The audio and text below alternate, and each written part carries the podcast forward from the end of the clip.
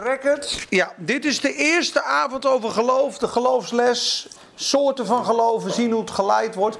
Maar in ieder geval, Jean-Paul, die was vroeger, eh, is dat die rots in Benidorm? Oh, dat kan maar zo, uh, Kees. Ik ben er niet zo thuis in. We hebben het over geloof, maar dit is de, de Benidorm rots.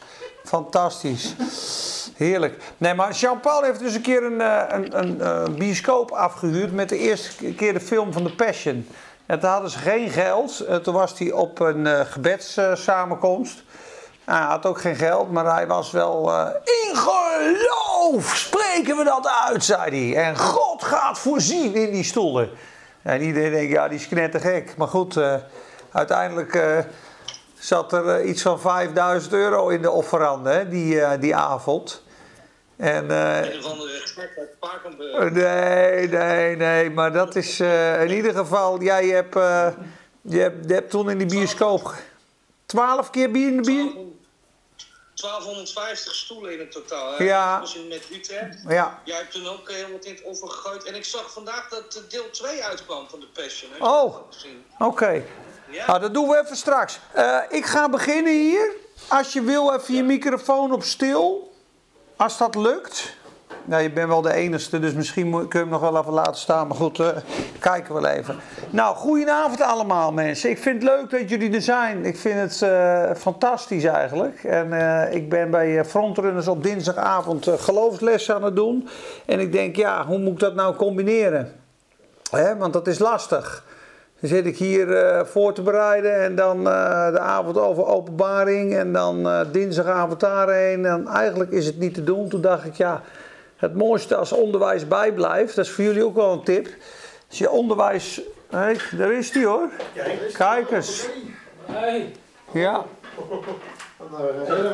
Goeiedag, pak maar een stoel maat. Hij nog een bakje wil. DJ Nawi is dit jongens hè. Wanneer komt die, uh, die gezalfde housebom er doorheen? Komt die ook nog een keer? Dat komt zelf. Oh, perfect. Super. Waar hebben we een bakje staan? Ja, daar. Iemand kan misschien voor je maken. Maar in ieder geval die geloofsavonden. Als je iets te horen krijgt... Uh, en je ziet het niet... blijft er volgens mij 3 tot 10 procent hangen. Als je in levende lijven ziet en hoort... blijft er 30% hangen. Als je het ziet, hoort en gaat doen, dus ook uitdelen, blijft 90% hangen, zeggen ze. Dus het mooiste is als je dingen hoort, dat je het gewoon ook gaat doen. Wat je ook hoort, geloof voor die, geloof voor dat. Je kan gewoon morgen beginnen. Vader, ik wil vandaag mijn geloof uitspreken. Ik wil iemand bemoedigen.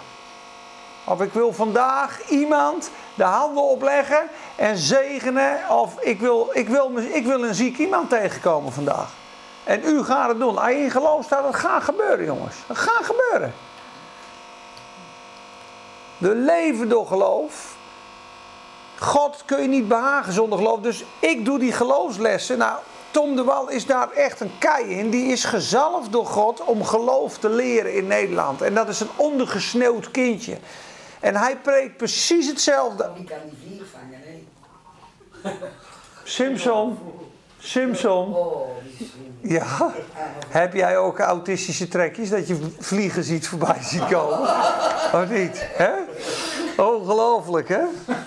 Maar goed, nee, wat het is met. Ja, doe, neem, je, neem je tijd topperen. Leuk dat je er bent trouwens. Echt super. Hij zou anders naar Werkendam gaan en zeggen: maar ja, als het in Spakenburg komt, dan. Uh, ja. Nee, wat het. Uh, ga maar lekker zitten, man. Wat het is, is. Uh, ja, perfect.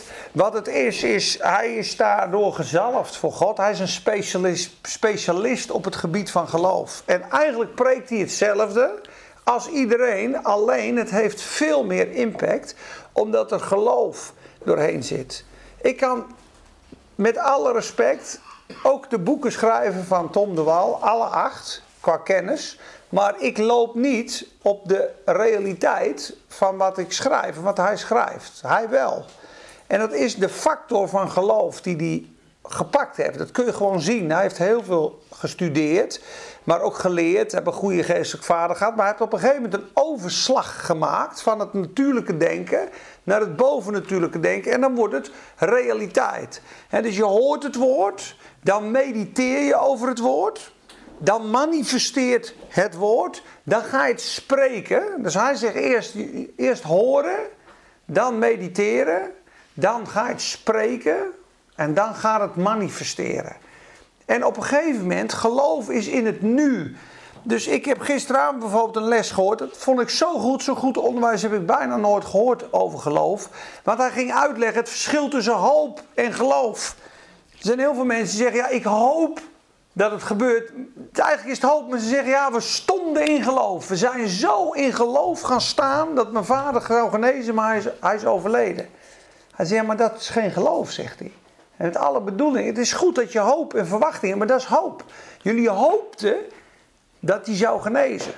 En daar ging je op staan. We hopen het, we hopen het, we hopen het, we verwachten het. Maar het geloof heeft het al gezien. Als je werkelijk gelooft dat Jezus het volbracht heeft. Dan komt mijn zusje aan. Hallo zuster. Hey. Je bent te laat eens tien keer opdrukken. Net als bij de karateles. Jawel jongen, tien keer opdrukken. Dat doe maar tien minuten in tongen dan. Nee, maar oh, je kunt zo mooi daar zitten. Maar in ieder geval, het geloof. Het geloof haalt de dingen in het nu, zei hij. En vroeger had je bijvoorbeeld, kijk, en dan gaf hij ook voorbeelden best wel pittig. Jezus zegt niet wie, wie hoopt, zal tot deze boom zeggen: rijs u op. Jezus zegt nooit: ik hoop, ik zal eh, met u meegaan en ik hoop dat God hem. Nee, ik zal in uw huis komen en ik zal hem opwekken. Weet je wel? Ik weet dat u mij altijd hoort. Bij Jezus, het geloof is een zeker weten. Gaan we straks ook naartoe in Hebreeën 11. Ik weet niet hoe we precies alles er doorheen krijgen vandaag. Als er mensen zijn op Facebook, een verdwaalde Indiaan of een schat die uh, zit te wachten, van harte welkom. Maar geloof zijn meerdere vormen van geloof. Zo begon les 1. He, je hebt geloof in Jezus, geloof in God. Dat is geloof voor redding. Ik stel mijn vertrouwen op God. Nou, de krachtigste tekst over redding en geloof en rechtvaardiging, blijf ik zeggen, is Romeinen 4, vers 5. Dat, dat zegt Lloyd Jones, maar dat zeg ik ook. Er is geen krachtigere tekst die uitbeeldt dat het enkel en alleen door geloof is en niet door onze daden. Ik had het van de week twee, drie keer gedeeld ik ga er heel even uit, Jean-Paul. Ik denk dat jij mij nog wel blijft horen. Ja, dan zet ik hem even in mijn scherm. Ik heb hem vanmorgen nog gedeeld op Insta. En daar staat de volgende tekst in de Passion Translation. En daar staat: When people work, als je in de zonnestudio werkt, dan krijg je loon. They earn wages. It cannot be considered as a free gift. Dat is geen genade, dat is geen vrije gift. Because they earned it. Ze hebben het verdiend. But no one earns God's righteousness. Niemand. It can only be transferred when we no longer rely on our own works, but believe in the one who powerfully declares the ungodly to be righteous in his eyes. Moet je kijken, de un ungodly, de goddeloze. It is faith that transfers God's righteousness into our account. Met andere woorden, en dan gaan we straks bidden. Nu degene die werkt, wordt het loon niet toegerekend naar genade, maar naar schuld. Doch degene die niet werkt, doch degene die niet werkt, maar gelooft in hem, in God, die de goddeloze rechtvaardigt. De goddeloze rechtvaardigt. Moet je over nadenken. De goddeloze rechtvaardigt. Dus iemand die totaal goddeloos is. Die totaal niet verdient om door God aanvaard te worden. Daar is genade.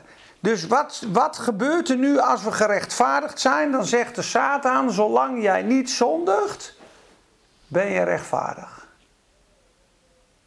Dat is een list.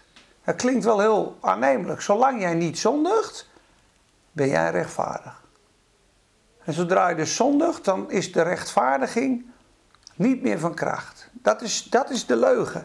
En die klinkt heel logisch, want ja, als, als je zondigt, dan ben je onrechtvaardig. Als je rechtvaardige daden doet, ben je rechtvaardig. Maar God heeft ons zalig gemaakt toen wij vijanden waren, op het diepst van onze zonde, als een goddeloze. Totaal onwaardig, totaal onverdiend. Totaal op een hele andere basis. Niks met jouw werken. Je bent pik en pik en pik zwart. En als ik rechtvaardig ben, moet ik je voor eeuwig verdoemen. Maar ik heb mijn zoon Jezus gezonden. En het enige wat ik wil is dat je afziet van jouw werken, jouw proberen, jouw zondigen, jouw heilig leven, jouw waakzaamheid. Dat jij vertrouwt op het offer van Jezus. En daardoor word jij rechtvaardig en op geen enkele andere grond. We hebben vorige keer zo mooi gelezen in Romeinen 3, dat vond ik een schitterend vers. Welke God openlijk heeft aangewezen als zoenoffer voor onze zonde. Romeinen 3, vers 25. God heeft Jezus openlijk aangewezen. Daar is het zoenoffer door geloof in zijn bloed. Dus het bloed van Jezus is genoeg. Of je faalt of niet faalt. En daar gaat het religieuze stemmetje, die, die, die krijgt kortsluiting. Ho, ho, ho, ho, ho, ho, ho. Maar dan kunnen we dus maar aanzondigen. Daar komt hij al. Dat, dat, daar komt hij al. Dat is de natuurlijke mens die de genade van God probeert te begrijpen. Ja, maar dat kan niet. Iemand die zondigt is onrechtvaardig. En iemand die niet zondigt is rechtvaardig. Maar niet bij God. Bij God is het iemand die zijn vertrouwen op Christus stelt en het bloed en het uit genade om niet ontvangt in goddeloze staat. In onwaardige, vijandige staat. En als je nu in jezelf voor God staat, schiet je totaal tekort. Ook alleen een topdag. Dan zegt de Heer een topdag. Zak je even naast de liefde van 1 Korinthe 13 houden voor vandaag. En het licht van de hemel en de heiligheid van God. Nou, ik denk dat je wegschroeit van ellende. Nee, je denkt, oh, ik heb geen enkele grond om te staan. Nee, daarom ben ik voor jou gekomen. Er is geen één mens rechtvaardig, jongens. En al onze rechtvaardige daden zijn als maandelijkse bebloede lappen. Dat staat er in het Hebreeuws. En dat is de basis van het geloof. Gaan eerst bidden. Dat is het eerste geloof waar we vanavond naar willen kijken. En ook het belangrijkste.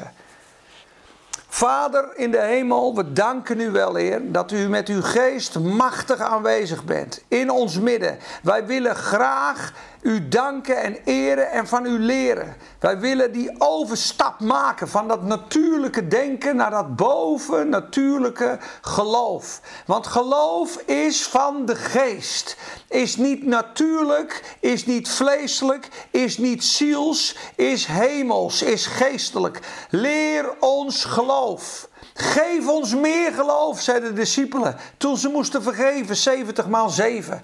Vader, wilt u de ins en outs van geloof aan ons mededelen, in ons hart wrijven, Heer, en het eert u en het behaagt u, Heer, als wij wandelen in geloof. Kinderen van geloof. Heer, we zijn ook gelovigen, niet gevoeligen, zei Tom van de Week mooi. We zijn gelovigen, niet gevoeligen. Vader, leer ons geloof, versterk ons geloof en zegen deze avond en deze lessen.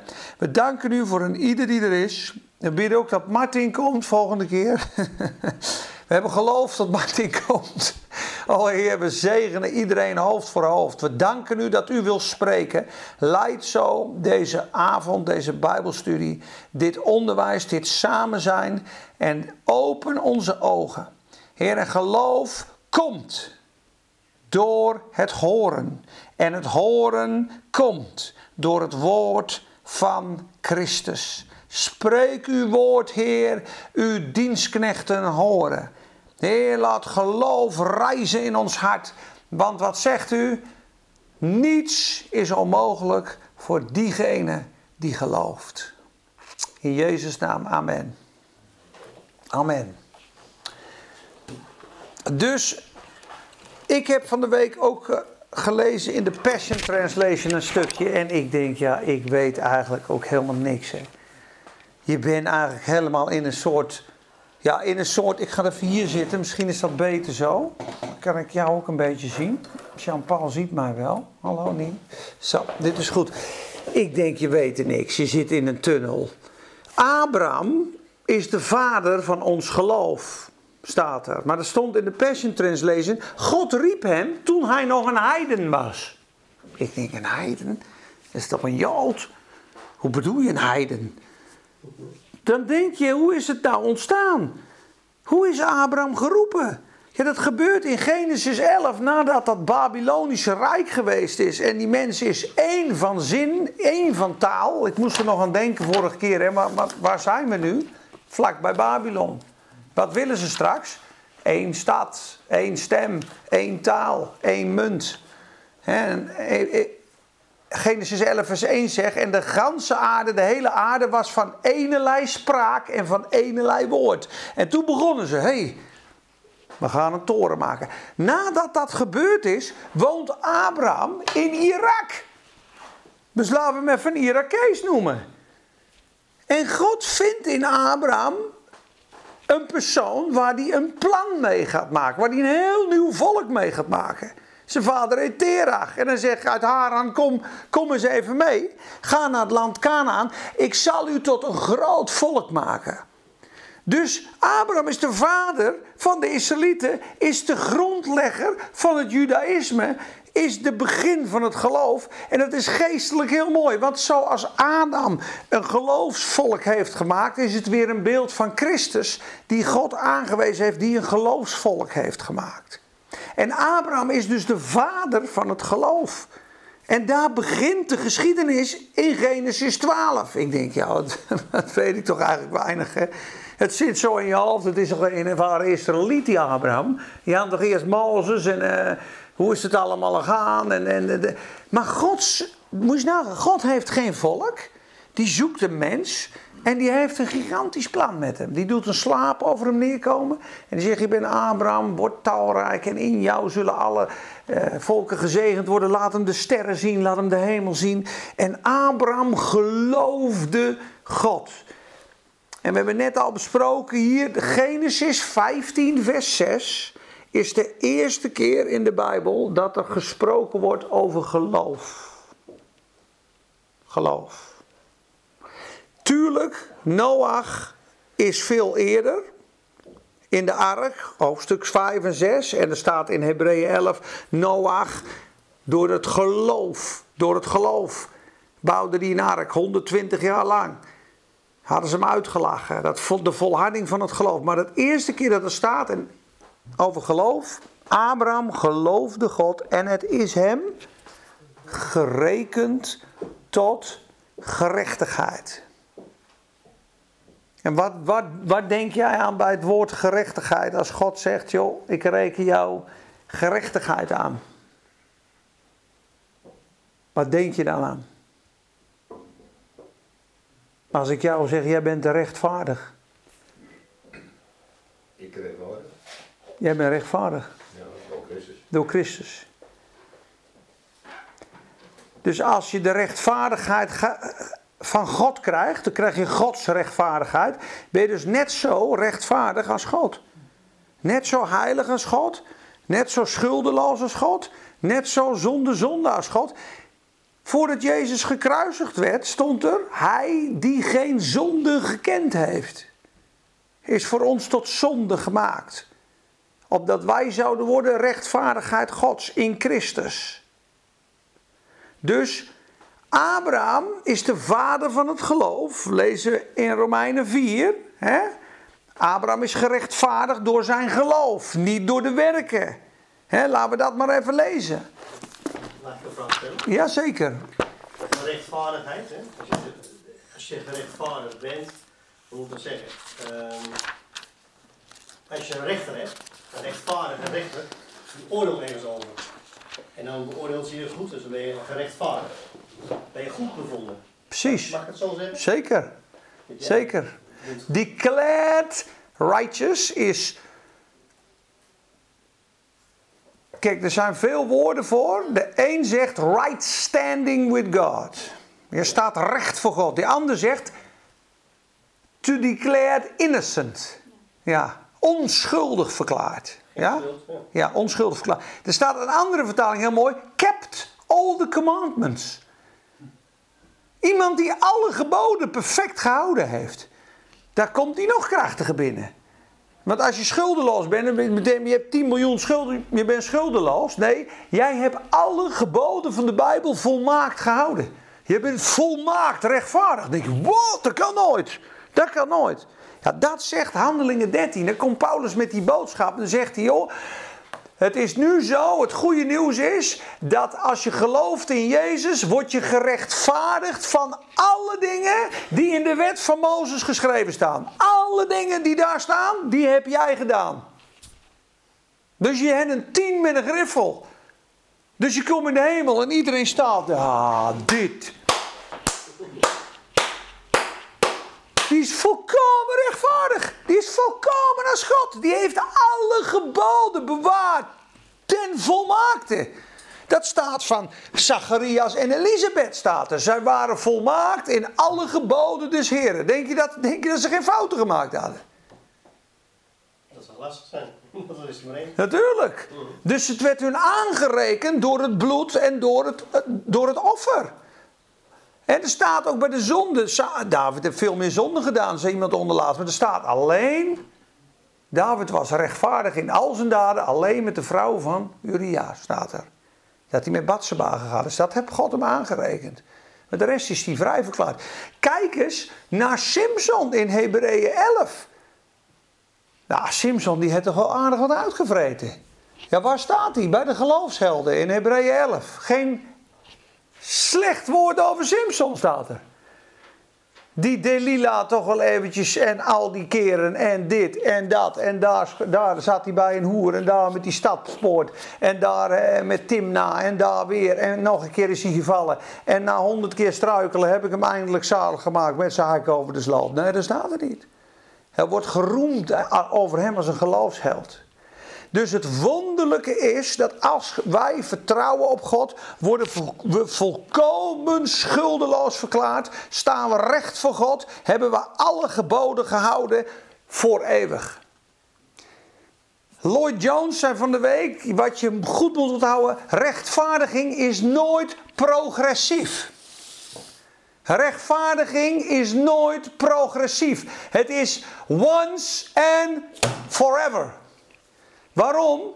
God verklaarde de goddeloze, de zwarte vijand in het diepst van zijn zonde, rechtvaardig op de wonderlijke wijze van het offer van Christus. Totaal onverdiend.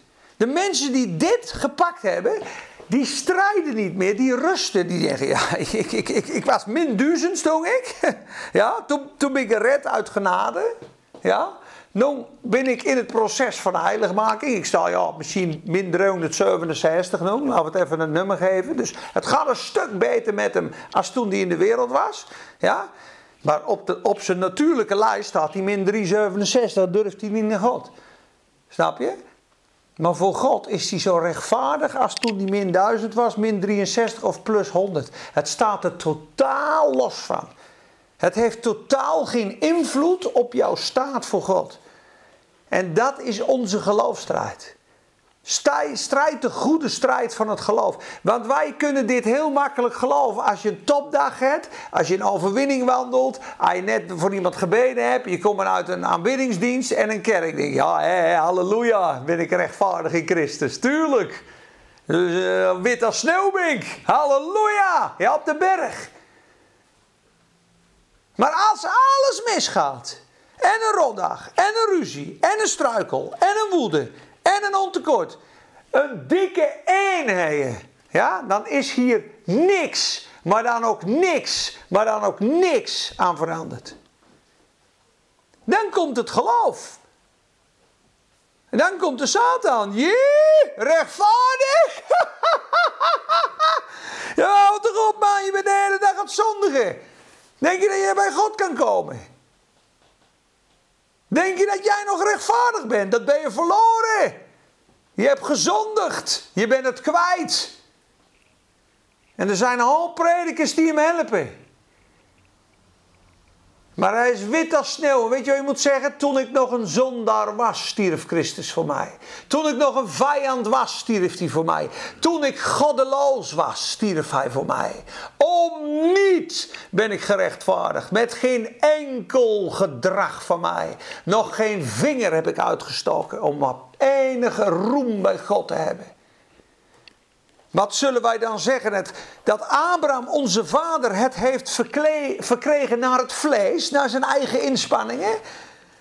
Want indien Abraham uit zijn eigen inspanningen gerechtvaardigd heeft, is, dan zou hij roemen kunnen, maar niet bij God. Alle roem is uitgesloten. Maar wat zegt de schrift? En Abraham geloofde God, vertrouwde op God. En het is hem gerekend tot absolute schuldeloosheid. En God zag hem alsof hij nog nooit gezondigd had en alle geboden volmaakt gehouden had.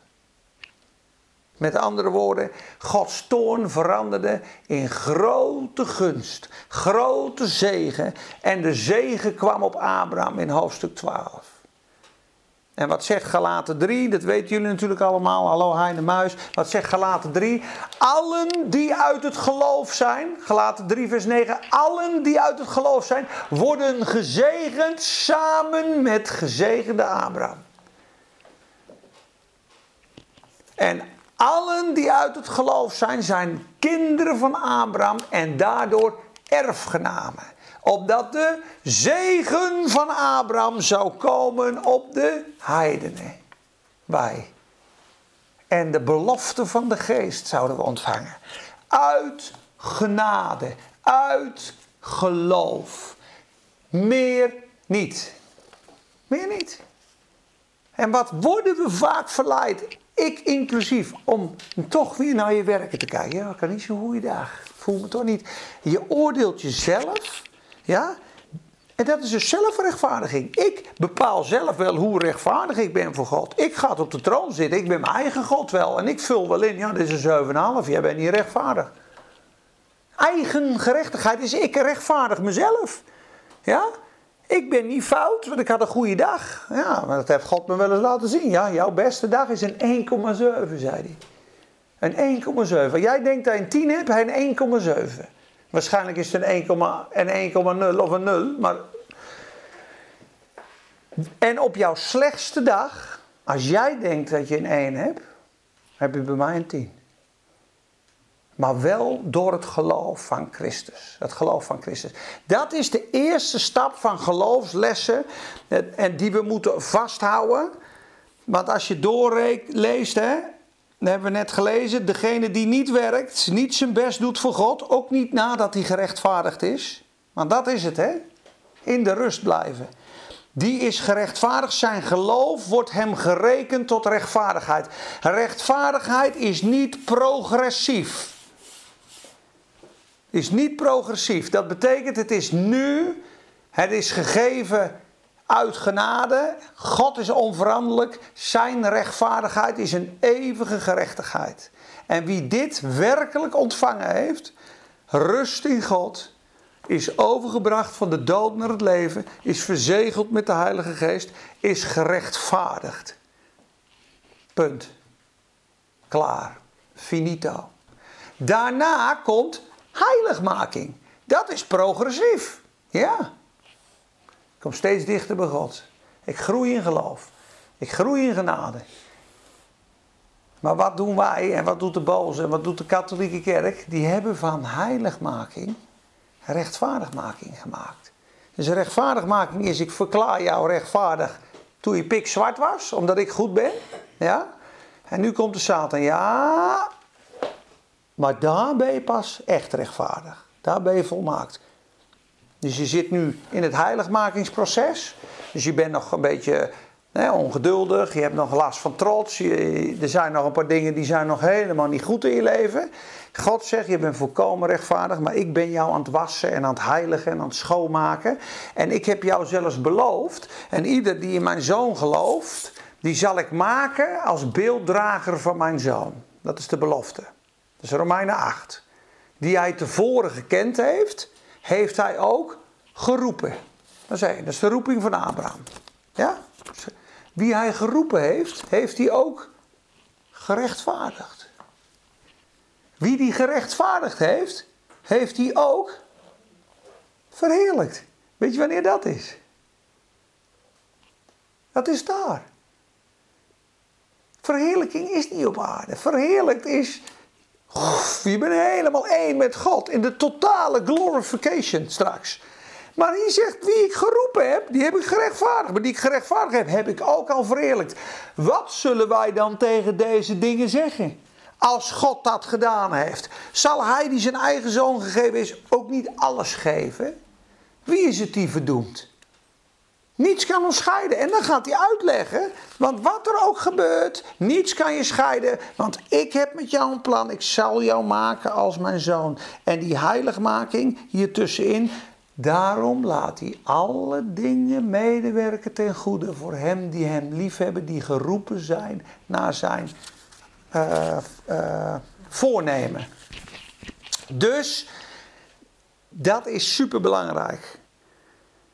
Zo heeft ook David de mens zalig gesproken, van wie God de rechtvaardigheid, de schuldeloosheid, de volmaaktheid toerekent zonder werken, zeggende zalig zijn zij, welke ongerechtigheden vergeven zijn, welke zonden bedekt zijn. Zalig is de man van wie de Heer de zonde niet toerekent. Dat is rechtvaardiging. Iemand zei dat is een onbeschrijfbaar strafblad. Met andere woorden, Satan die kalkt de hele dag hier dingen op en die houdt het zo voor je. Maar het is onbeschrijfelijk. Er kan niks staan. Hij rekent het niet meer toe. Hij is ervoor gekruisigd. Hij is ervoor gestraft. En dat is niet alleen voor je verleden. Dat is voor je heden. Het is voor je toekomst. Want God heeft jou al verheerlijkt. Moest nagaan dat alleen de zonden van je, van je verleden vergeven zijn. En je komt tot geloof als je tien jaar bent. Ja, de zonden van je verleden zijn vergeven. Ja, dat is drie keer een snoepje stelen en, en, en twee keer mijn zusje van de trap gegooid. Ja, is dat zo? Is het zo? Ja. Wel vaker denk ik. Nee, maar Maar moest nagaan dat je 16 bent. Alcohol, ruzie, vrienden, eh, druk, misschien wel porno, misschien wel dit, misschien wel verkeerde relaties. Ja, dan zou dat hier een flikkerlicht relatie van hier te Tokio zijn. Nou is het niet de bedoeling dat we in zonde leven, dat snappen we. Hè? Ik, ik heb vorige week ook ge- geschreven op Insta. Joh, never play with sin. Ja, never flirt with sin. Klaar. Maar also never doubt the finished work. Nooit aan twijfelen. Never flirt or play with sin. Dat is het respect wat je hebt. Never flirt with and- or play with sin. Dat is de vrees en het ontzag wat je hebt van God. Ja? Maar aan de andere kant, also never doubt the finished work of Christ. En Arie erover heeft gelijk. Hij heeft me vaak gezegd. Ik vond het een rare uitspraak. Maar hij zegt: Peter, ik heb permissie om alle zonden te bedrijven. Maar ik zou het niet durven. Want ik weet wat het hem gekost heeft, Peter. Om mij zo vrij te zetten van zonde dat als ik zou vallen het hem nog niet zou veranderen. Zo'n grote genade. Ik zou niet durven. Zo'n liefde, Peet. Voor mij. Al zou ik het hele dorp pakken. Het zou zijn liefde niet meer veranderen. En daarom wil ik het niet meer. En kan ik het niet meer. Zo'n prijs, jongen. Ik weet wat het gekost heeft, zegt hij. En dat is precies wat hij zegt in Romeinen 6. Je bent de zonde afgestorven. Hij heeft voor jou de zondemacht afgestorven. Nu is er geen kracht meer die jou beheerst van zonde. Dus je hoeft niet meer te zondigen. Maar al zou je zondigen, ik reken het je niet meer toe. Je bent onder de genade. En dan zegt hij, ja, maar moet je dan zondigen? Nee, want je brengt vruchten voor de dood. Maar het heeft geen enkele invloed op je staat als kind van God. Zo'n liefde. Daar ben ik voor gestorven, dat jij volledig vrij bent van je zonde. Ik ken je tekortkomingen. Daarom is die ook niet alleen het schuldoffer, maar ook het zondoffer en ook het brandoffer en ook het heave-offering. Vroeger stonden ze zo, hè, met die heave-offering. Eén stond zo, die moest allemaal zo en die andere moest zo. Met de drankoffering en de heave-offering. Kijk eens wat het is. Het is een kruis. Lossen ze zo stram, wat is het? Een til op het kruis. En de peace offering. En het brandoffer. Dat is, wij kunnen geen vrede met God bewaren. Dus je hebt het schuldoffer voor de zonde, je hebt een overtredingsoffer, je hebt een vredeoffer, je hebt een aan, een, een, geurige een geur voor Christus, dat je tekort schiet. Maar nou je tekort schiet. Ik heb niet gezondig, maar ik schiet zo tekort. Heeft Christus ook behandeld. Een aangename geur. Het hele zondeprobleem is opgelost. Volledig. Van A tot Z. Daar gaat heel Leviticus over. Hoe kan een zwarte vijand met een heilige God bestaan? Dat kan niet. Hoe kan die mens bij God komen? Satan, denk ik, heeft nu die mens van God gescheiden. Ik weet hoe die zonde haat. Ik weet hoe die duister haat. Hij is vol licht. Als ik nou in die mens kom. Ik, de gevallen engel, de zondaar, de Satan, de zondige natuur, die komt in die mensen. Kunnen ze nooit meer naar elkaar toe. Die haat zonde. Die kloof heeft nog gebracht. En God wou met dat volk wandelen. En toen kwam die, het offer. Ik ga zelf ik ga die straf dragen. En nu komt die priester op grond van bloed. Daarom vielen ze dood neer. Al kwamen ze bij andere kruiden. Heer, hier ben je. Boem, vielen ze dood neer. Uzia viel dood neer. Die heiligheid van God kon niet met die mens. Maar in Leviticus is het Gods heiligheid komt bij een zondige mens op grond van het bloed. God die gaat om met de mens op grond van dat bloed. En dat is nu niet anders. In onszelf zijn we totaal verdorven. Maar in Christus zijn we zo volmaakt, zo heilig, is God zo dichtbij gekomen. En ook als je faalt en juist als je faalt. Dat is nou het wonder. Dan wordt je geloof beproefd. Als je ziek bent, ga dan maar eens zeggen.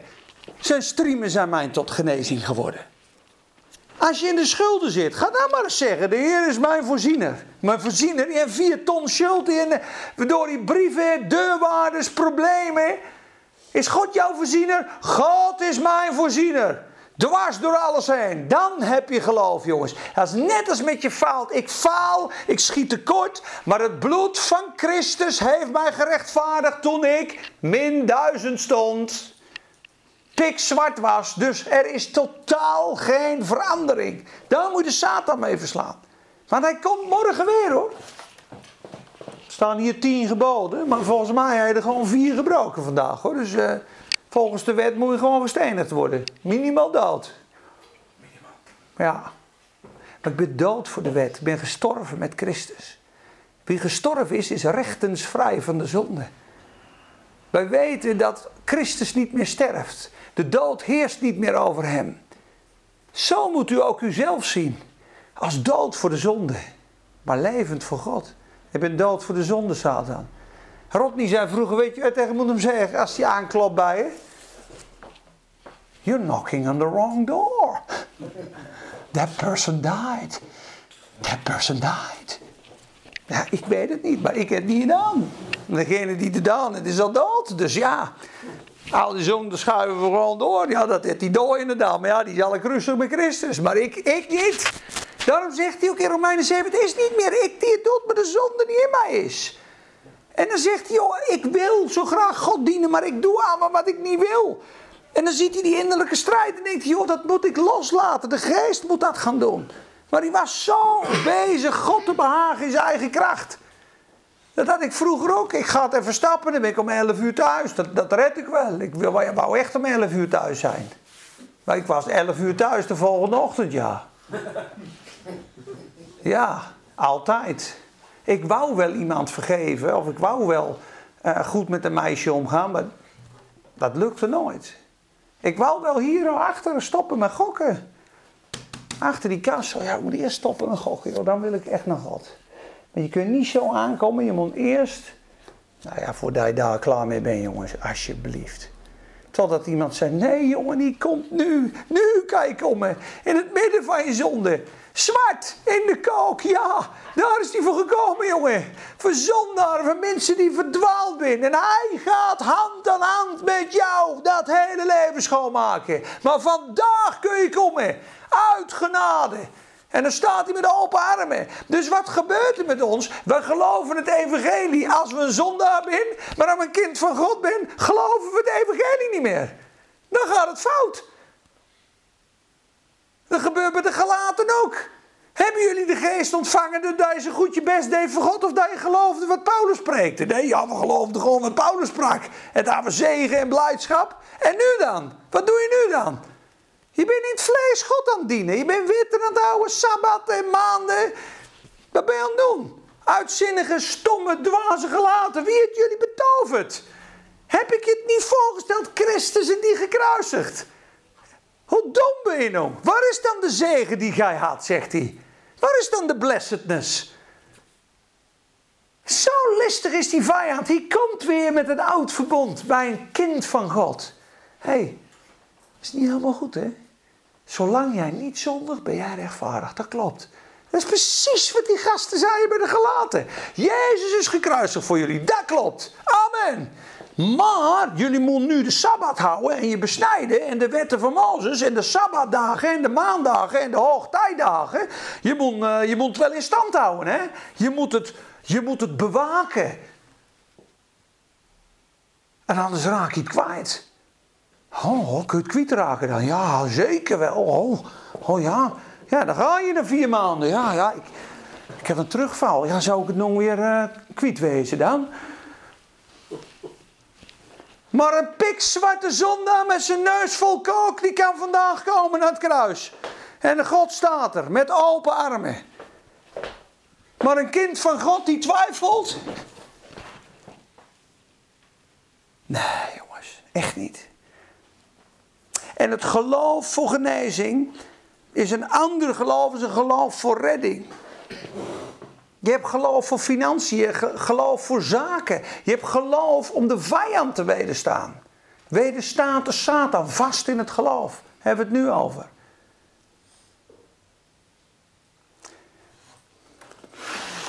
Kun je het nog een beetje volgen? Even eens even kijken. Of ik nog wat wil delen hiervan. Vijf vormen van geloof hebben ze besproken, de eerste les. Het geloof algemeen, dat probeer ik nu een beetje uit te leggen. Geloof voor redding is je vertrouwen stellen op Christus. Dat is alles wat we moeten doen. En tuurlijk, er moet, er moet soms een stap plaatsvinden, bekering. Zonder bekering kan je niet geloven als er iets voor staat. Soms moet je een keuze maken. Ja, je gaat onder water, je gaat het bevestigen. Dat zegt Petrus toch ook in de. Wat zegt hij? Dat zegt hij toch heel duidelijk. Komt dat één keer, bekeer je. Bekeer je, laat je dopen.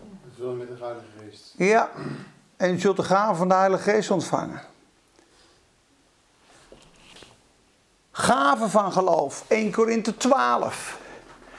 Er is een gave van geloof die door de Heilige Geest werkt. Sommige mensen krijgen van God een gave van geloof. Die bidden en het gebeurt.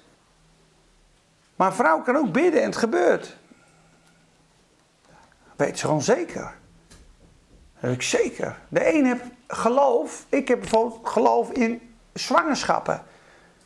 Je hebt sommige mensen met gigantisch geloof bij kankers. Die hebben zo'n hekel op kanker. Die, die bidden voor iemand kanker. Kanker is mijn specialiteit. Weg ermee. Ik heb het met relaties en vrouwen die niet vruchtbaar zijn. Die geen kinderen kunnen krijgen. Dan ga ik naartoe zeg Exodus 23, 29. Ja? Er zal geen misdrachtige zijn onder het volk van God. Punt. Vloek verbroken. Acht weken later stonden ze aan de kraan. Ik ben zwanger. Heb alles geprobeerd. Ik heb al een paar keer meegemaakt. God wil het. Wil je hem lezen? Exodus 23. Dat kun je opschrijven. Hoor. Dit, zijn, dit zijn jongens juwelen. Die zijn met geen geld te betalen hoor. Exodus 23, vers 26. Er zal geen misdrachtige, noch onvruchtbare in uw land zijn. Dat is een deel van de zegen van Abraham. Als je van Christus bent, er zal geen misdrachtige, nog onvruchtbare zijn onder het volk. Boom, amen.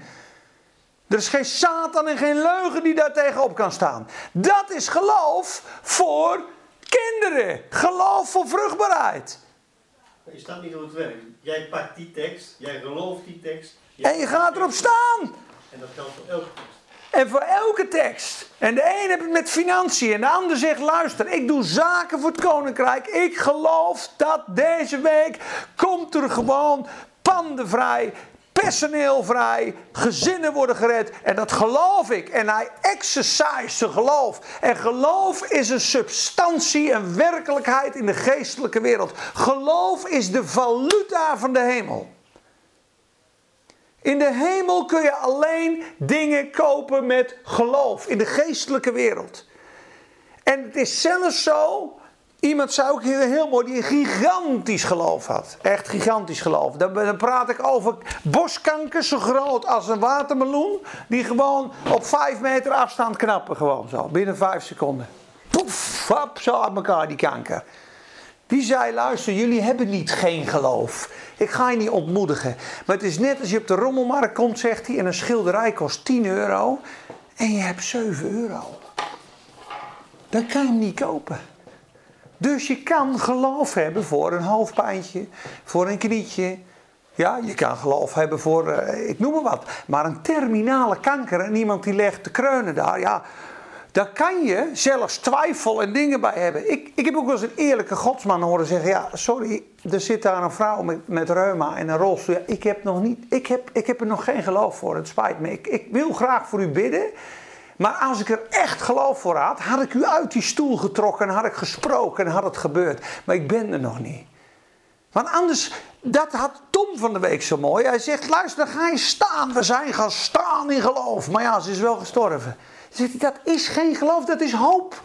Ik snap wel dat je hoopt, je wil het graag. Maar geloof is nu. Die trekt de belofte van God in het nu. Die ziet een ziek iemand, maar die ziet in de geest, nee, dat is een gezond iemand. En die drukt het gezonde, op het zieke. En het geestelijke, bam, verandert de totale situatie. Het onmogelijke wordt mogelijk. Dat kan niet. Maar Wigglesworth trok mensen uit lijkenkisten vandaan. Die zette die tegen de muur. Smith Wigglesworth. Hebben ze een lijken de lijkenkist op begrafenis. Walk in Jesus' name. En dat, dat lijk viel, jongens, tot twee keer toe. Tot twee keer toe. En de derde keer zei hij, I said walk in Jesus' name. En dat wist hij. En het werd wakker, jongens. Hij heeft 23 doden opgewekt. Heeft zelfs een kind wat bijna stierf. Gewoon helemaal nog 1% leven. Daar kwam hij bij en zei: trek zijn schoenen aan. Trek zijn jas aan. Trek zijn kleren aan.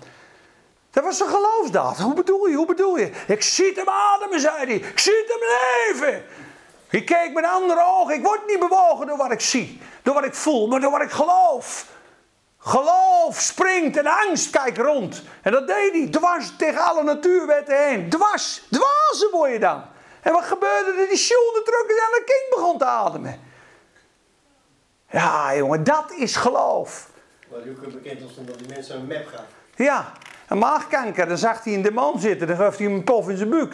Die, vent die viel dood neer. Dan zei die dokter, je hebt hem, doodgemaakt. Is ild, zei hij dan met, met zo'n uh, dialect. Hij is, hij is genezen. En dan stond hij dus zo bij.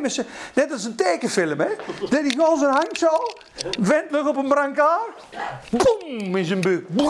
En je zegt zo, die hangde langs die brancard gaan. Die dokters, you killed him! Schreeuwden ze is healed. En dan ging hij weer door. En tien minuten later stond die vent op.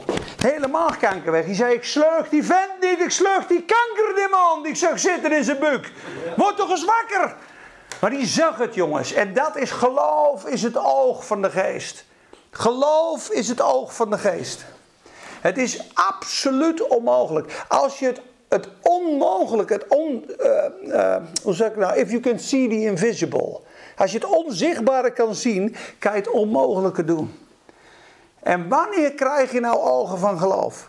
Als je vol van het woord bent, vol van de geest en vol in gebed.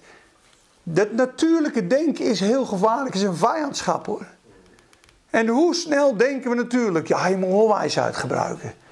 Je moet wel wijsheid gebruiken. Nee, dat God doet niet altijd als wonderen. De ene keer doet hij het wel en de andere keer niet. Er was ook een vrouw, terminaal kanker, naar Tom toegekomen. Ja, ik wacht op God tot hij me aan gaat raken. En Tom zei, jongen, de, tijd verstrijkt. Hij wacht op jou. Hij heeft het al gedaan. Zijn streamen hij al volkomen genezen. Hij wacht tot jou. En dat is je hoop. Hij zegt, dat is goed. Stap 1 is hoop. Dat is goed. Maar de volgende stap is geloof. Ik ontvang het. De hoop is, ik verwacht, ik verwacht een wonder. God gaat het doen. Maar geloof zegt, ik heb het. Ik pak het. Ik ontvang het. Het is van mij. Maar het is met de redding net zo.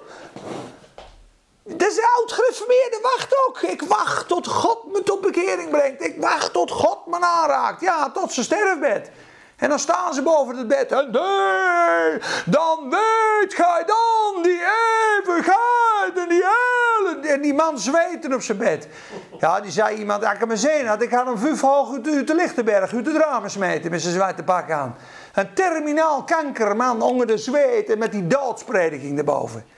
Terwijl die vandaag kan komen. Waarom? Omdat het al gebeurd is. Christus is gestorven. Dus voor geloof kan je vandaag komen. Dat gelooft iedereen. Maar voor genezing ook. Voor bevrijding ook. Voor voorziening ook. Ook. Geloof is nu. Geloof is nu. Nu. Dat is geloof. Het is niet straks. Dat is hoop.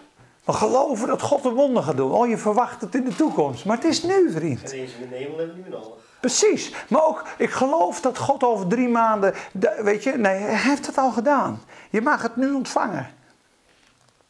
Dus geloof voor financiën. Je hebt geloof voor. Wat hebben we nog meer opgeschreven? Relaties. Geloof voor relaties. Nou, waar, waar, waar, ligt jouw geloof het sterkst? Als jij voor mensen bidt, wat geloof je makkelijk? Waar zie jij de grootheid van God in als je bidt? Voor mensen die van de drugs, die dan echt... Bevrijding. Dat je gewoon weet, als ik daarvoor bid, dan komt die los. Ja. Ja, nee, je geloof voor bevrijding. En jij? Ook bevrijding. Bevrijding. En jij? Genezing. Genezing. Jij weet gewoon als ik bid. En financiën. Financiën, ja. Ja, maar dat heb je ook zelf meegemaakt natuurlijk, die voorziening. Voorziening en genezing. En jij?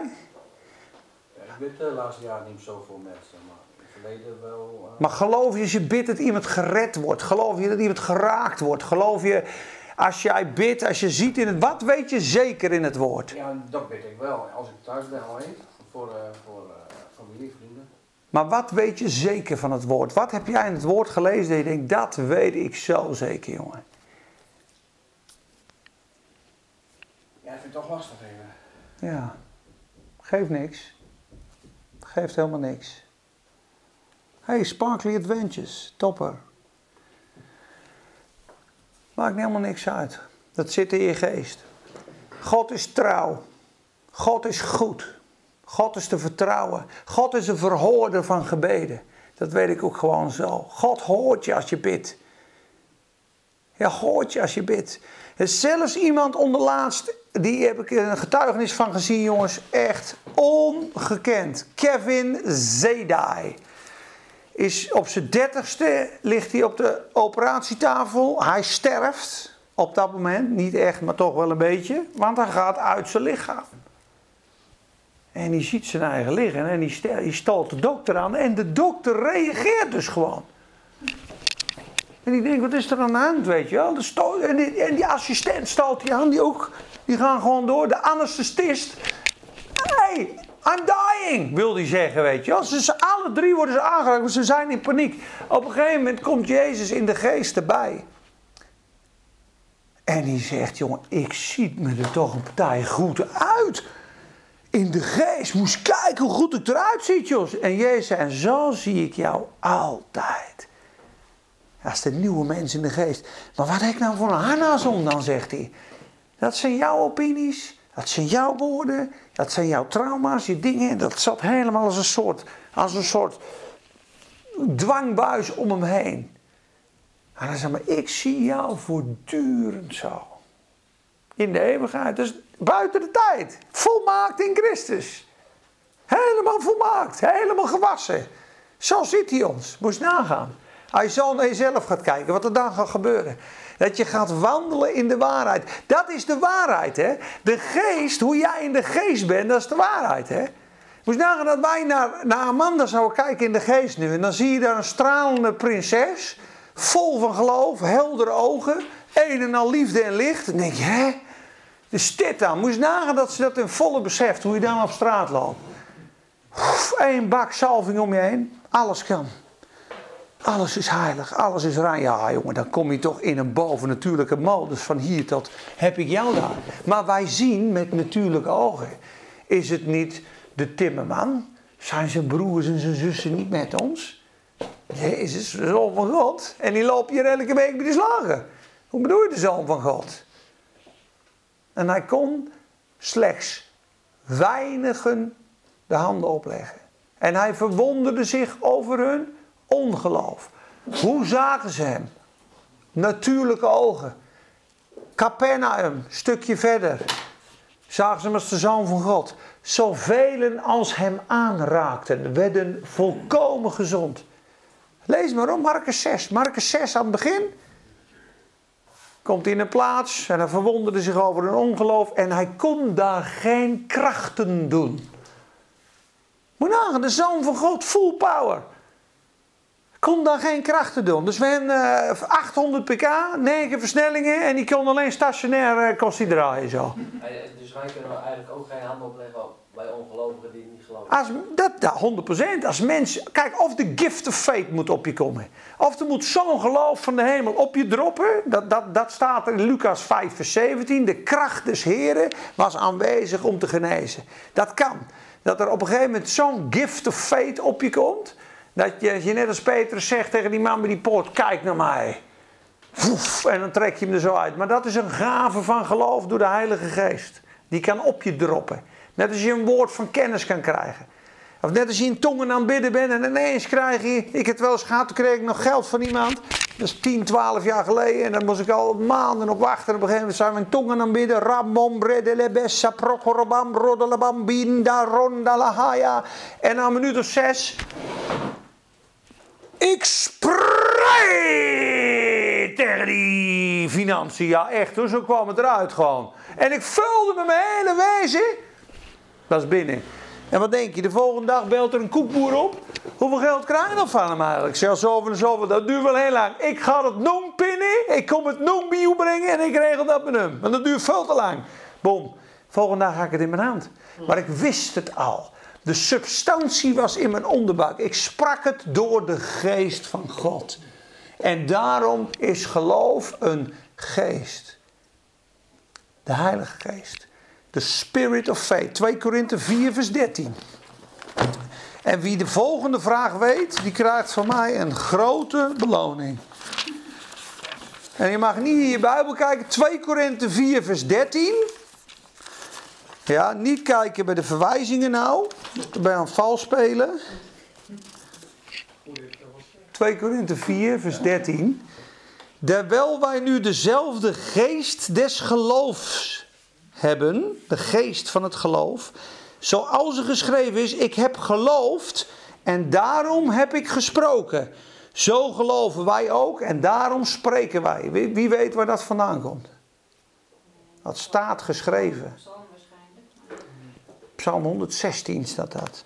Psalm 116 vers 10, daar staat, ik heb geloofd en daarom heb ik gesproken.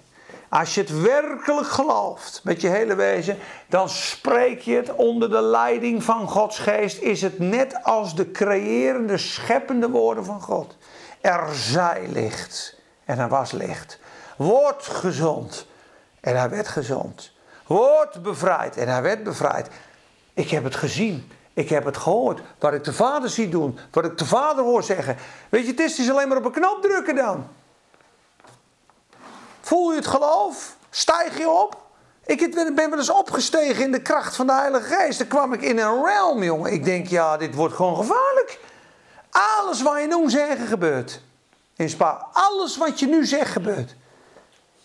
Dan krijg je zo'n overtuiging van hemels. En daar is de Satan als de dood voor mensen.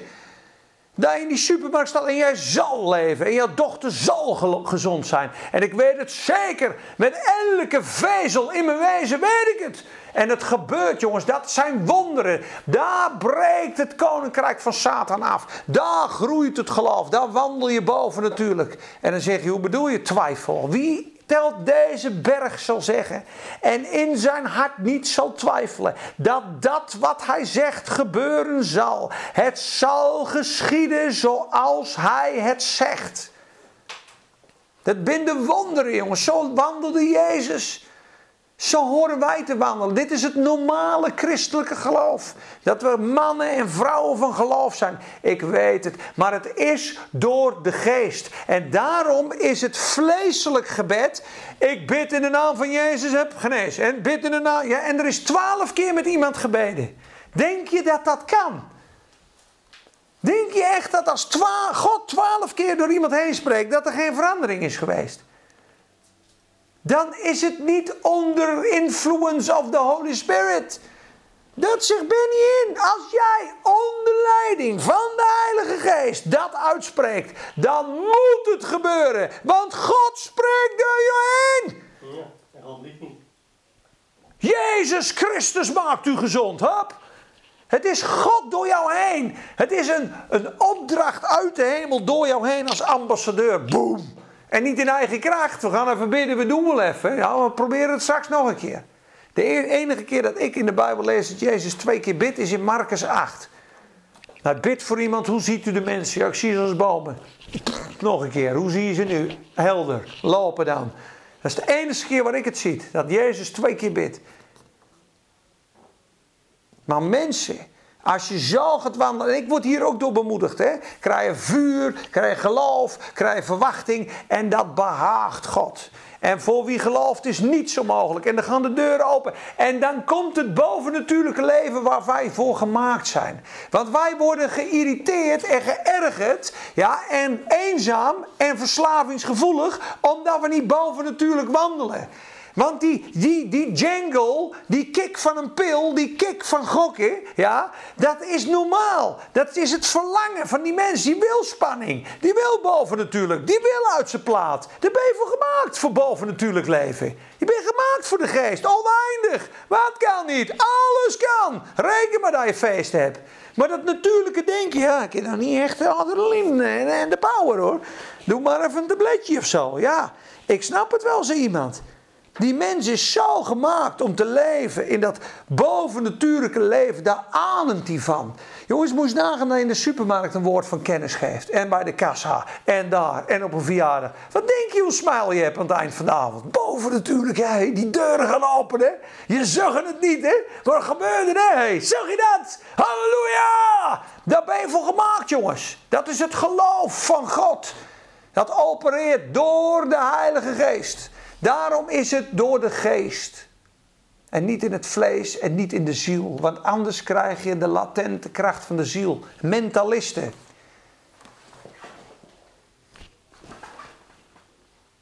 The law of attraction. Een motivational speaker. Hè? Komt wel naar je toe. Nou, een motivational speaker die kan geen vruchtbaar gezin hebben. Hoor. Want het zijn allemaal twaalf vrouwen gehad. En de kinderen zijn dood ongelukkig. Nou, daar hebben ze geen geloof voor. En ze kunnen echt niet de macht van Satan breken zonder de naam van de Heer Jezus. Er is geen één demon die op de vlucht laat dan door de naam van Jezus in de geest en het bloed van Christus. Worden jullie opgebouwd? Wil je nog wat langer, wat meer? Of wil je, vind je het goed zo? Ja? Dan gaan we nog even door. Karakter vormt het geloof. Gaven van geloof. Geloven voor zielen. Geloven voor financiën. Waarheid, wijsheid, liefde. Fundamenten, componenten.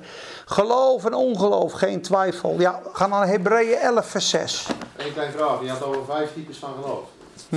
Ik heb nou eh, geloof eh, Geloof. redding, financiën, relaties. Ja, de vrucht van het geloof. Ja, Dus dat is ook een vrucht van de geest. ja. In Galaten 5.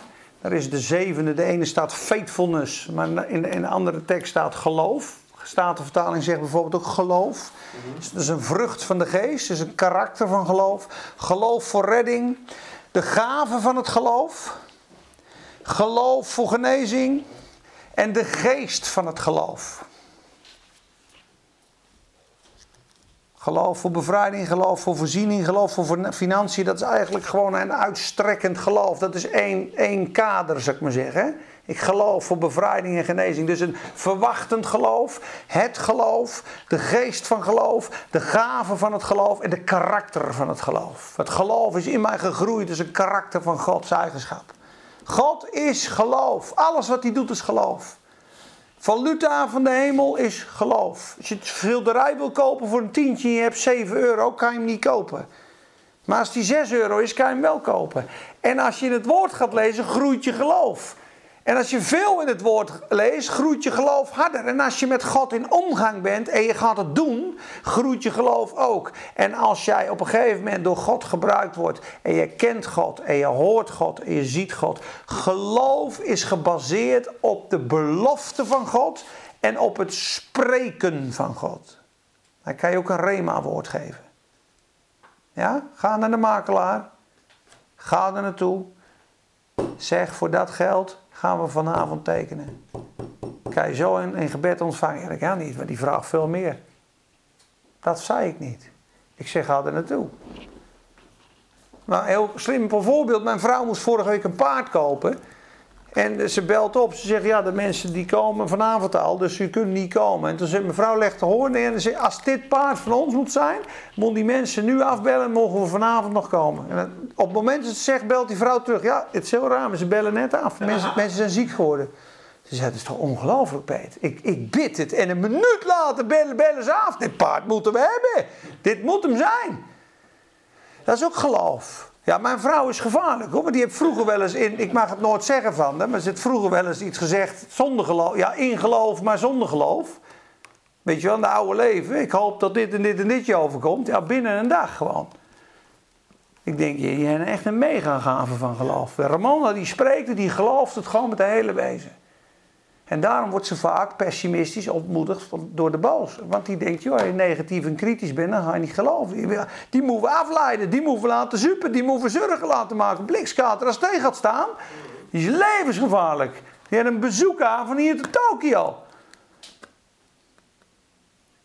Een gezond geloof, een bergenverzettend geloof, een groeiend geloof, een geestelijk geloof, een rotsvast geloof, dwars tegen alle tegenstand heen. Wederstaat de vijand vast in het geloof. En hij zal van u vlieden. Dat een geloof. Hebreeën. Volgende keer gaan we Hebreeën 11 vers 1 doen. Nu doe ik Hebreeën 11 vers 6 en dan, en dan sluiten we af. Ja, want anderhalf uur power teachings, dat eh, wordt anders te veel. Ik lees Hebreeën 11 vers 1 tot 6. Dan kijken we naar vers 6. En thuis kan je Hebreeën 11 lezen. Dat is het hoofdstuk van geloof. Hij spreekt dat tegen een wettische kerk, de Hebreeërs. Die begonnen waren in het geloof. Maar zegt hij, het geloof, het evangelie is ook gepreekt door de- tegen de Israëlieten. Hoofdstuk 4 vers 2. Maar het woord wat gepreekt werd tegen hun, deed hun geen nut. Want het was niet gemixt met geloof. Dus ze zitten zo te luisteren zo, dat zal wel. Nee, met geloof en verwachting kwam het, doet het woord wat met je. Laten wij dus, zo kunnen wij zien dat ze het beloofde land niet be- beërfd hebben. Hebreeën 3 vers 19, door ongeloof. Ze konden niet ingaan, ze konden de reuzen niet verslaan. Die waren te groot. Moest kijken, we, we zijn wel springkanen. Maar Caleb en Jozua waren van een andere geest. Zagen met geestelijke ogen. Springkanen, hoe bedoel je? Die, de reuzen springkanen bedoel je, in de, in de ogen van God. Toch hoop ik, dat zijn toch de springkanen, of zijn wij de springkanen? Hun zijn toch de springkanen, of niet?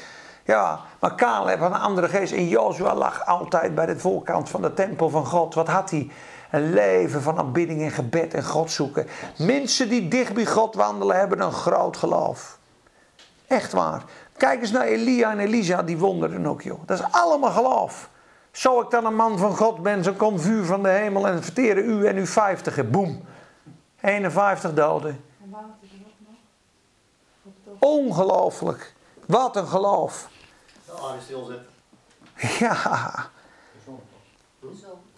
En de profetische woorden die ze geven, ook in 2 Koningen 6 en 7 en 8, jongen. Op een gegeven moment is die, die hongersnal, toch? Dat heb ik toch gezegd? Op een gegeven moment kost, ik noem maar wat, een, een brood kost 250 euro. En er is grote schaarste. En om die stad is er een belegering.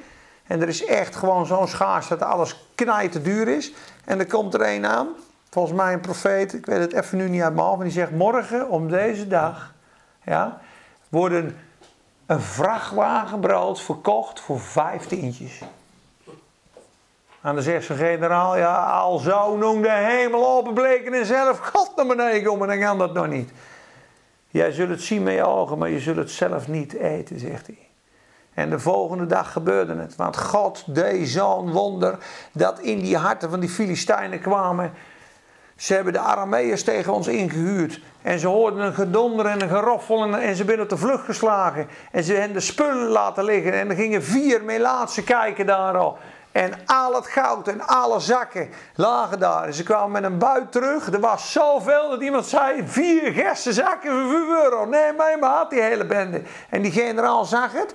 En hij werd onder de voet gelopen en stierf vanwege zijn ongeloof. Bij God is alles mogelijk. Bij God is alles mogelijk. Als we hierin wandelen. Mensen, dan gaan de deuren open. Dan spreken wij het geloof. Dan geloven we echt wat er staat.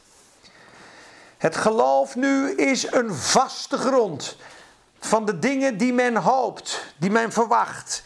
En een bewijs, een substantie, een werkelijkheid van de zaken die men niet ziet. Er staat zelfs in het Griek een tegenbewijs hier.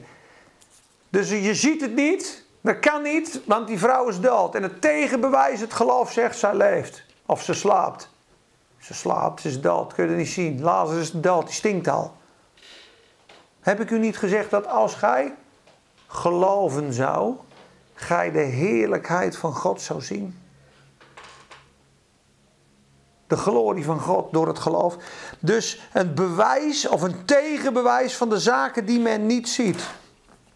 Want door het geloof hebben de, oud, de ouderlingen van vroeger getuigenis gekregen. Hoe, hoe word je getuige? Hoe krijg je getuigenissen? Hoe krijg je verhalen? Dat je juichend in de kerk zegt wat ik nog meemaakt heb. Dat is door geloof. En morgen kun je beginnen.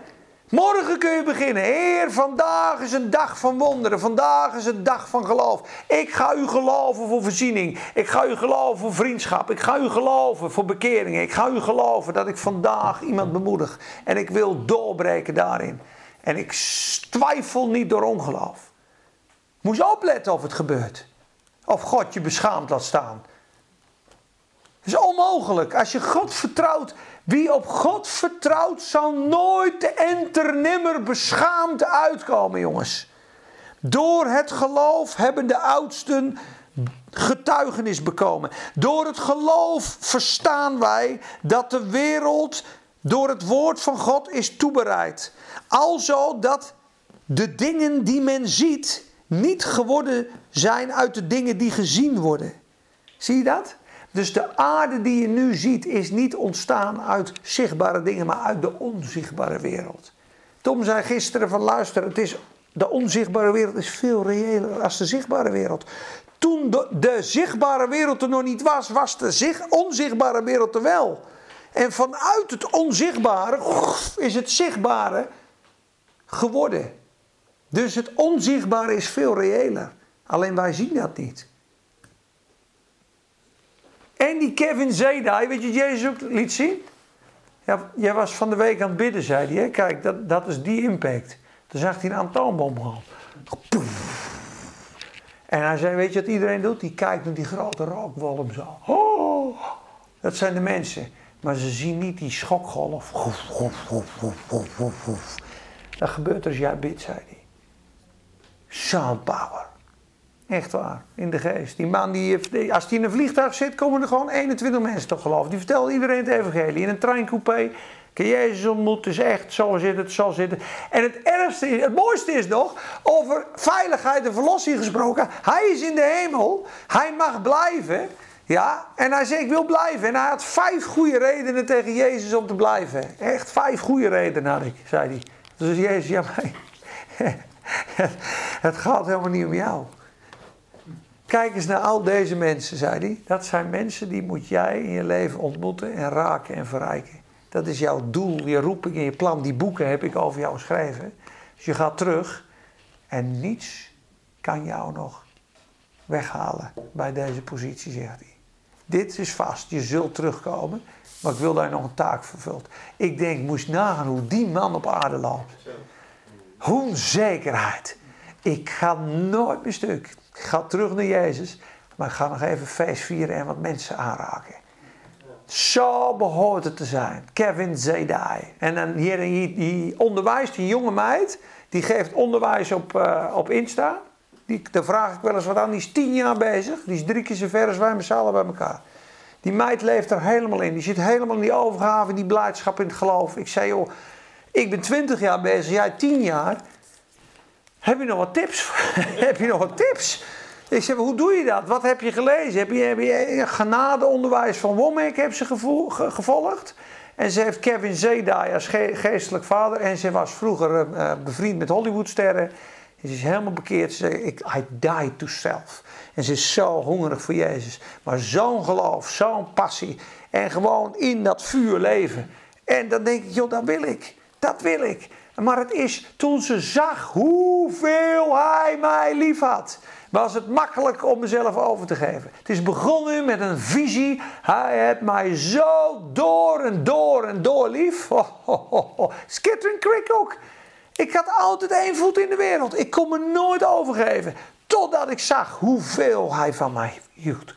Toen ben ik verliefd geworden op hem. Toen dacht ik, oh, hij is het alles waard om, om over te geven. En het werd makkelijk, zegt ze. Het is makkelijk om over te geven. Want hij is zo geweldig. En dat moeten we gaan zien, jongens. In het geloof. Door het geloof heeft Abel een betere offerande geofferd dan Kain, door welk hij getuigenis bekomen heeft. Zie dat? Getuigenis krijgen we door geloof, dat hij rechtvaardig was. Alzo God over zijn gaven getuigenis gaf. En door datzelfde geloof spreekt hij nu nog, zelfs als hij dood is. Hoe mooi vind je? Ik ben dood, maar ik praat nog. Hey, dat ben mooie teksten, en niet? Ik ben dood, maar ik praat nog. Oh, halleluja. Door het geloof is Henoch Toewijding betekent zijn naam weggenomen geweest, opdat hij de dood niet zou zien. Hij werd namelijk niet meer gevonden. Waarom werd hij niet meer gevonden? Omdat hij een getuigenis had. Door het geloof kreeg hij getuigenis dat hij God behaagde. Maar zonder geloof is het onmogelijk om God te behagen. Vers 6. Zonder geloof is het onmogelijk om God te behagen. Want hij die tot God komt, moet geloven dat hij is. Dat hij is. Niet was, dat hij is. Het is ook niet de ik was of ik zal zijn, het is de ik ben. Ik ben. God is ik ben. Ik ben die ik ben. Niet ik zal zijn die ik zal. Ja, ik zal zijn die ik zal zijn, maar niet ik, ik was die ik was. God is nu. Geloof is nu. Want wie tot God komt, moet geloven dat Hij is. En een beloner van degene die Hem ernstig zoeken. Hier stoppen we mee. Lees Hebreeën 11. Pak een pen. Streep elke keer doorgeloof, doorgeloof, doorgeloof, doorgeloof, uitgeloof, uitgeloof, doorgeloof, doorgeloof, tot geloof, doorgeloof. 20 keer. 21 keer in één hoofdstuk. En toen was ik op Bijbelschool, toen vroeg ik, Heer, 20 is een beetje een raar getal. Zou het niet 21 mooier wezen? Want ja, 3 keer 7, toen zei hij, dat klopt Peet. Er staat 20 keer doorgeloof, zonder doorgeloof, uitgeloof, doorgeloof. Maar er staat in vers 6, zonder geloof onmogelijk. Dat is nummer 21 voor je. Die kreeg ik op Bijbelschool. 21 keer in één hoofdstuk tegen Hebreeërs die teruggingen onder de wet. De rechtvaardige zal leven door zijn geloof. Zonder geloof is het onmogelijk God te behagen. Ja? Hoe wandelen ze in Hebreeën 11? Alle geloofshelden. Hoe kregen ze getuigenissen? Door het geloof. En weet je wat geloof vernietigt? Als geen ander? De wet. De wet klaagt aan en brengt veroordeling. En veroordeling maakt lafaards van mensen. Maakt bevende, schrikkige, angstige Adams en Eva's die naakt zijn. En zo steelt Satan het geloof. Want wat is de rechtvaardigheid van het geloof? Vertrouwen op God. Ik ben absoluut rechtvaardig. En wat krijg je dan? 100% volle vrijmoedigheid voor God. Er is niets, maar dan ook niets wat tussen mij en God in staat. Ik ben zo rein als sneeuw. Ik viel, ik ben nog steeds zo rein als sneeuw. Want zijn offer is mijn rechtvaardiging. Satan, guilty.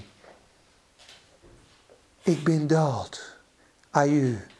Dan overwin je, jongens. Dan gaan de getuigenissen komen. Dan gaan de deuren open. Dan wordt het leven één groot feest. Ik denk dat je dan inderdaad krijgt, net als, als Filippus bij Samaria.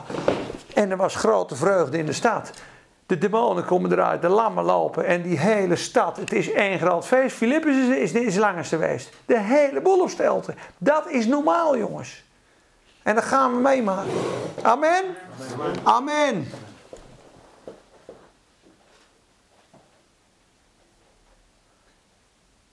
Deze even plaatsen.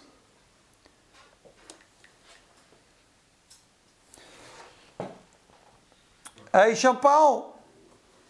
Wouter. Ja, Vond je het mooi? ja jongen. Vond je het mooi? Ja, natuurlijk. Fantastisch, fantastisch. Halleluja. En, eh, komt Soundcloud er weer van? Soundcloud zet ik hem op, ja? Ja, ga ik hem nog